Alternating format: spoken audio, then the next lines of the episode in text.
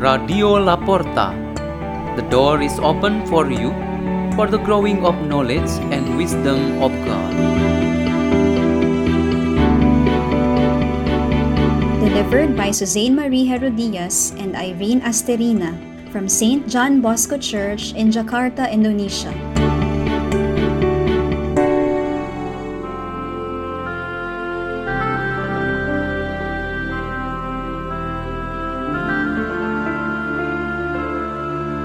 Reading and Meditation on the Word of God, Wednesday of the 27th week in Ordinary Time, October 6, 2021.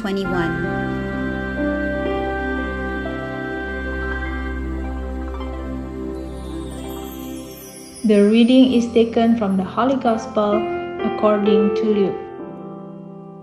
Jesus was praying in a certain place, and when he had finished, one of his disciples said to him, Lord, teach us to pray just as John taught his disciples.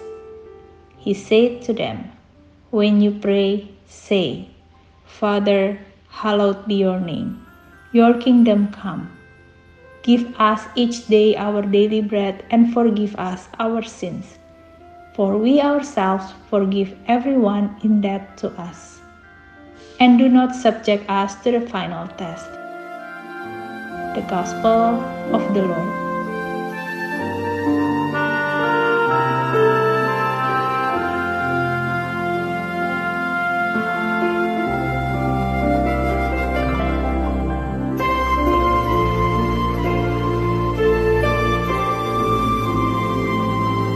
Our meditation today has the theme Experience the Will of God that Happens. Each of us always experiences the will of God that happens in our life. There was a young man in the village who was polite and kind, who found his soulmate in a pious, simple, and polite young woman. Both parents from each side agreed and happily supported this relationship. Their whole family approved. Friends and neighbors also recognize it to be the best choice made. The local parish priest was informed of the love that has grown even stronger in the two young persons. He said that all the positive opinions about these two young people were really the gestures of care and support.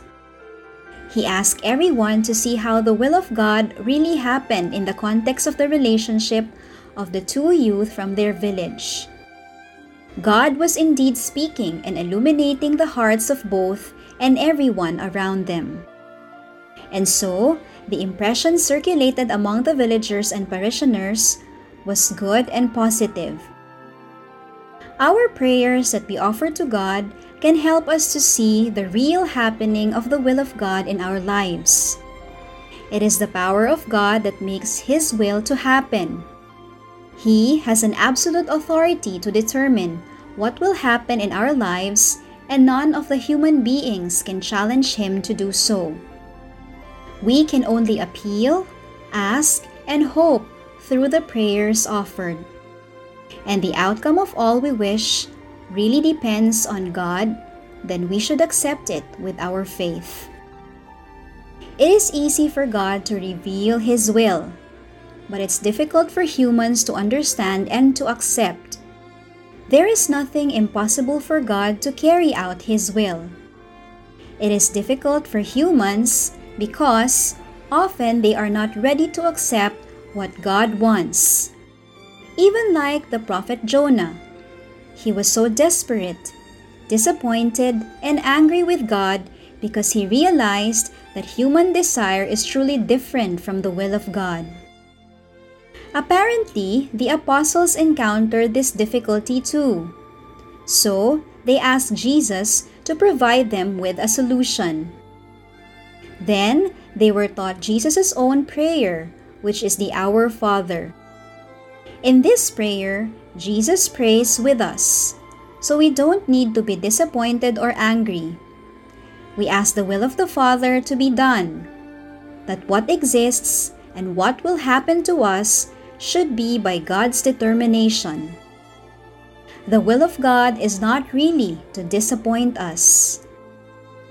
we ask the will of God to be done, which is for the glory of His name through every praise in our hearts and words spoken, for the coming of the kingdom on earth to rule over our lives, for the provision of food and drink to sustain our bodies, for the power of the grace of forgiveness to bring joy and peace in every human mind and heart, for our deliverance from all the temptations of the evil one, and for our faithfulness as beloved children of the Father.